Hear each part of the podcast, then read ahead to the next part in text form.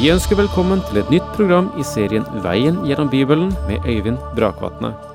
Denne studieserien er produsert av P7 Kristen Riksradio og bygger på serien Through the Bible av Vernon McGee. I dag fortsetter vi med gjennomgangen av Tredje Mosebok,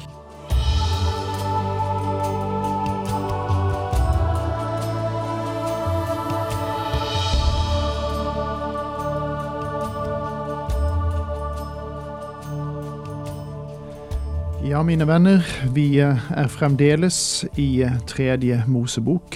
Vi er i kapittel seks. Vi eh, tok for oss blant annet siste del av kapittel fem sist, og de to første versene av kapittel seks, om brennofferet. Og da er vi inne på loven om brennofferet. Det vil si de lovene som prestene skulle ta vare på og sørge for at de ble fullbyrdet. Ikke de retningslinjer som egentlig gikk på selve folket, men her er dette som prestene skal ta vare på. Og de må leve i sin innvielse, for å så fullbyrde for sin egen del eh, de ofrene og de retningslinjene og de påbud som Gud nedfeller. Og Derfor kreves det av hver eneste en av prestene at de er lydige mot Herren. Og det var det jeg avsluttet med sist, denne totale lydighet som jeg finner hos Jesus, der han sier jeg innvier meg for dem, så at også de skal være innviet i sannhet, eller han sier jeg gjør alltid det som er Faderen til behag.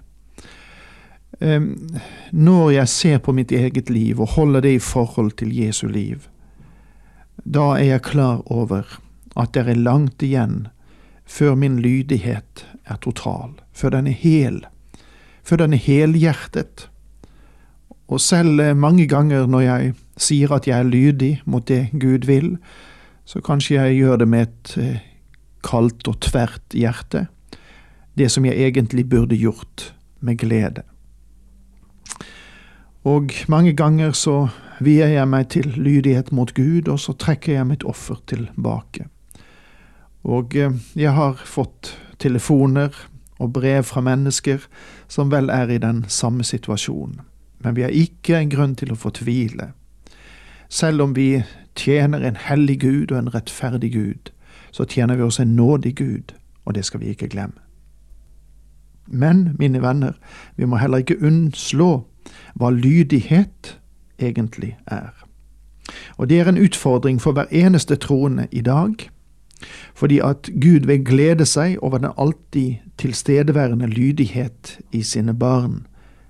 Det burde gi oss atskillig egentlig både å tenke på, og det vil, burde eh, sikte den måte vi egentlig er på. Husk at dette var selve kjernepunktet da Samuel anklaget kong Saul. Da sa Samuel, står det i første Samuels bok kapittel 15, vers 22 og 23, bryr Herren seg om brennoffer og slakteoffer som han bryr seg om lydighet mot Herrens ord? Nei, lydighet er bedre enn slakteoffer, og villighet bedre enn fett av værer. Trass er jevngodt med spådomssynd, Gjenstridighet er som avgudsdyrking. Fordi du har forkastet Herrens ord, har Han forkastet deg som konge. Ja, dette avsnittet burde vi kanskje hver for oss sette en liten ekstra strek ved, og av og til ta frem, og kanskje ikke minst nå ved begynnelsen av et nytt år, burde vi på tenke på hva lydighet mot Herren egentlig betyr. I dag så trenger du og jeg å ofre våre egne hjerter og liv til ham, om vi da tilhører ham, det vil si om vi er frelst. Må Herren forskåne oss fra å bare være en tom bekjennelse. Hva er det Gud vil vi skal gjøre? Jo, Jesus sier det slik i Johannes 6. Dette er den gjerning Gud vil vi skal gjøre, å tro på Ham som Gud har sendt. Og så nå er vi tilbake igjen i kapittel seks, og vi finner frem vers tre, og går videre gjennom kapittelet. Presten skal kle seg i sin linkjortel og bære benklær av lin nærmest kroppen. Han skal ta bort asken etter brennofferet som ilden har fortært på alteret, og legge den ved siden av alteret. Så skal han ta av seg klærne, ta på seg andre klær og bære asken ut av leiren til et rent sted. Gud gav sine instrukser, selv når det gjaldt detaljer om de klær presten skulle ha på seg. Han skulle ikke bære, bare bære den lange kappen som var felles for alle prester, men også bære benklær av lin. Ja, hvorfor det, da? Jo, kjødet må dekkes helt. Gud gir her, i symbolets form, den lærdom at han ikke kan akseptere kjødets gjerninger. Det er klart hva det er som kommer fra vår onde natur, skriver Paulus i Galaterbrevet 5. Hor, umoral, utskeielser, avgudsdyrkelse og trolldom, fiendskap, strid, rivalisering, sinne, selvhevdelse, stridigheter, partier og misunnelse, fyll, festing og mer av samme slag. Som jeg har sagt før, de som gjør slikt, skal ikke arve Guds rike. Gud kan ikke akseptere kjødets gjerninger. Det er bare Den hellige ånds frukt som er akseptabel for ham. Guds ånd må skape dette i vårt liv. Og hør hva Ånden skaper, for det er det han fortsetter med i det samme kapittelet i Galatene 5. Men Åndens frukt er kjærlighet, glede, fred, overbærenhet, vennlighet, godhet, trofasthet, tålsomhet og selvbeherskelse. Slike ting rammes ikke av loven. Presten tok av seg de klærne han bar når han fjernet asken, og tok på seg andre klær. Dette var et minne om syndens forurensning. Asken på alteret talte primært om dommen over synd, og selv asken var infisert. Den måtte bæres bort og føres til et rent sted. Hvilket bilde dette er egentlig på syndens forurensning? Ilden skal holdes brennende på alteret, den må ikke slokne. Hver morgen skal presten legge ny ved på ilden, legge brennofferet på den og brenne fettstykkene av måltidsofferet. Det skal alltid brenne ild på alteret, den må ikke slokne. Dette er ennå en påminnelse om at ilden skulle brenne kontinuerlig, og det gjentas også i vers seks. Der skulle legges ny ved på om morgenen, og det brennofferet som gjaldt hele leiren, skulle bæres frem. Dette var morgenofferet. Deretter ble fredsofferet eller måltidsofferet lagt oppå brennofferet. Den kontinuerlige ilden på alteret skulle minne oss om at Guds ild brenner alltid. For dem som avviser Jesus Kristus, betyr det Guds vredes ild. Den som tror på Sønnen, har evig liv. Den som er ulydig mot Sønnen, skal ikke se livet, men Guds vrede blir over ham, står det i Johannes 3, vers 36. Dette er loven om grødeofferet. Arons sønner skal bære det fram for Herrens åsyn, fram til alteret. Presten skal ta en håndfull av hvetemelet og oljen i grødeofferet og all røkelsen som er lagt på grødeofferet, og brenne det på alteret. Det er et påminningsoffer til en duft som behager Herren. Ja, nå med disse versene, vers, fra vers 7 i kapittel 6, begir vi oss da inn på en ny side, nemlig det som angår grødeofferet. Og igjen ser vi at forordningen rettes til prestene. Den som ofrer, er en som står foran alteret og priser Gud. Presten tjener for ham. Det som blir igjen av offeret, skal Aron og hans sønner spise. Det skal spises usyret på et hellig sted. I forgården til møteteltet skal de spise det. Det må ikke bakes med surdeig. Dette er den delen jeg har gitt dem av mitt ildoffer. Høyhellig er det like som syndofferet og skyldofferet. Det hellige sted var åpenbart forgården til møteteltet. Det var hellig fordi Gud var der. Guds nærvær gjør ethvert sted hellig. Husker du at Moses ble bedt om å ta av seg skoene fordi det stedet han sto på var hellig jord? Du leser om det i 2. Mosebok kapittel 3 vers 5.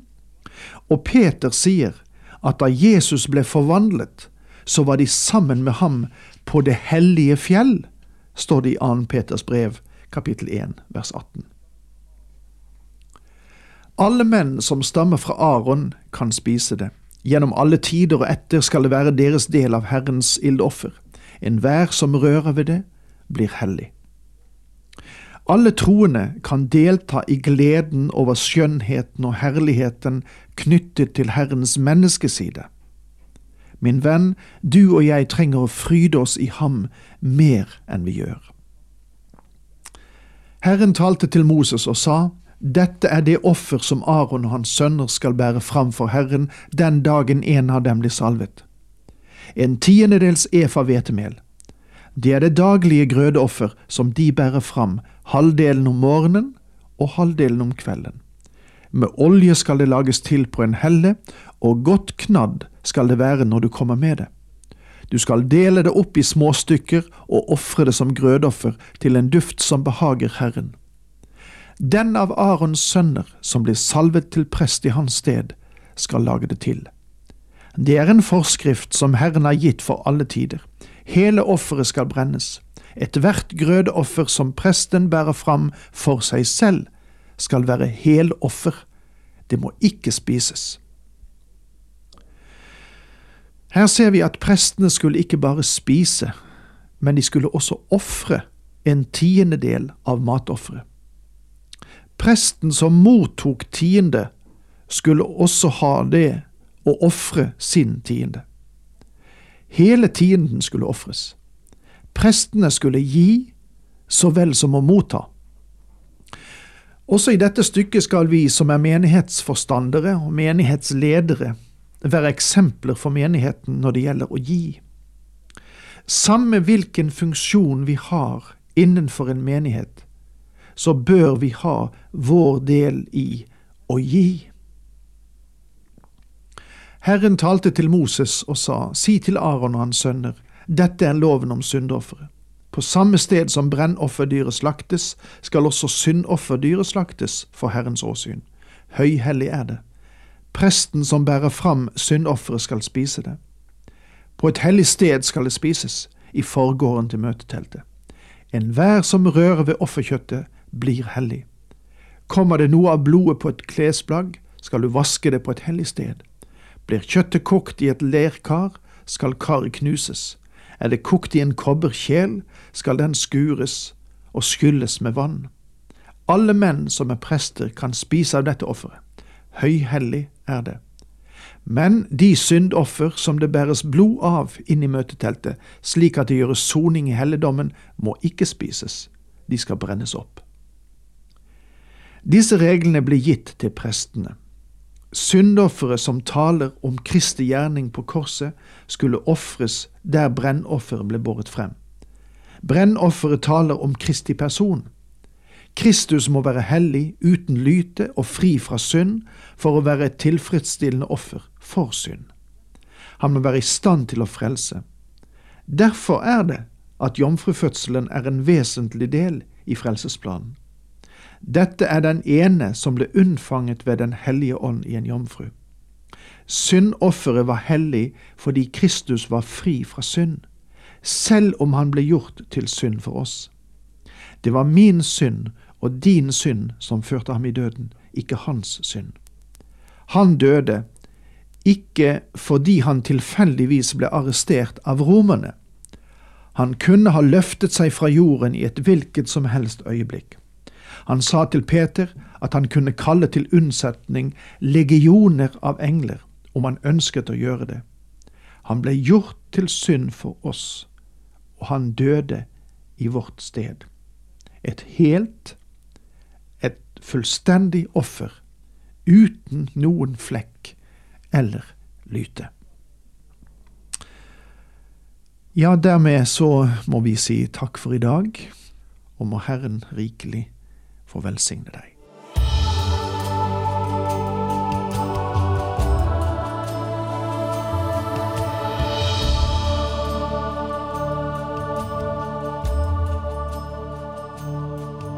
Du hørte Øyvind Brakvatne i studieserien Veien gjennom Bibelen. Serien bygger på et manus av Vern McGee. Har du spørsmål eller kommentarer til programmet, kan du sende en e-post til vgb krøllalfa p7.no. Takk for i dag, og på gjenhør.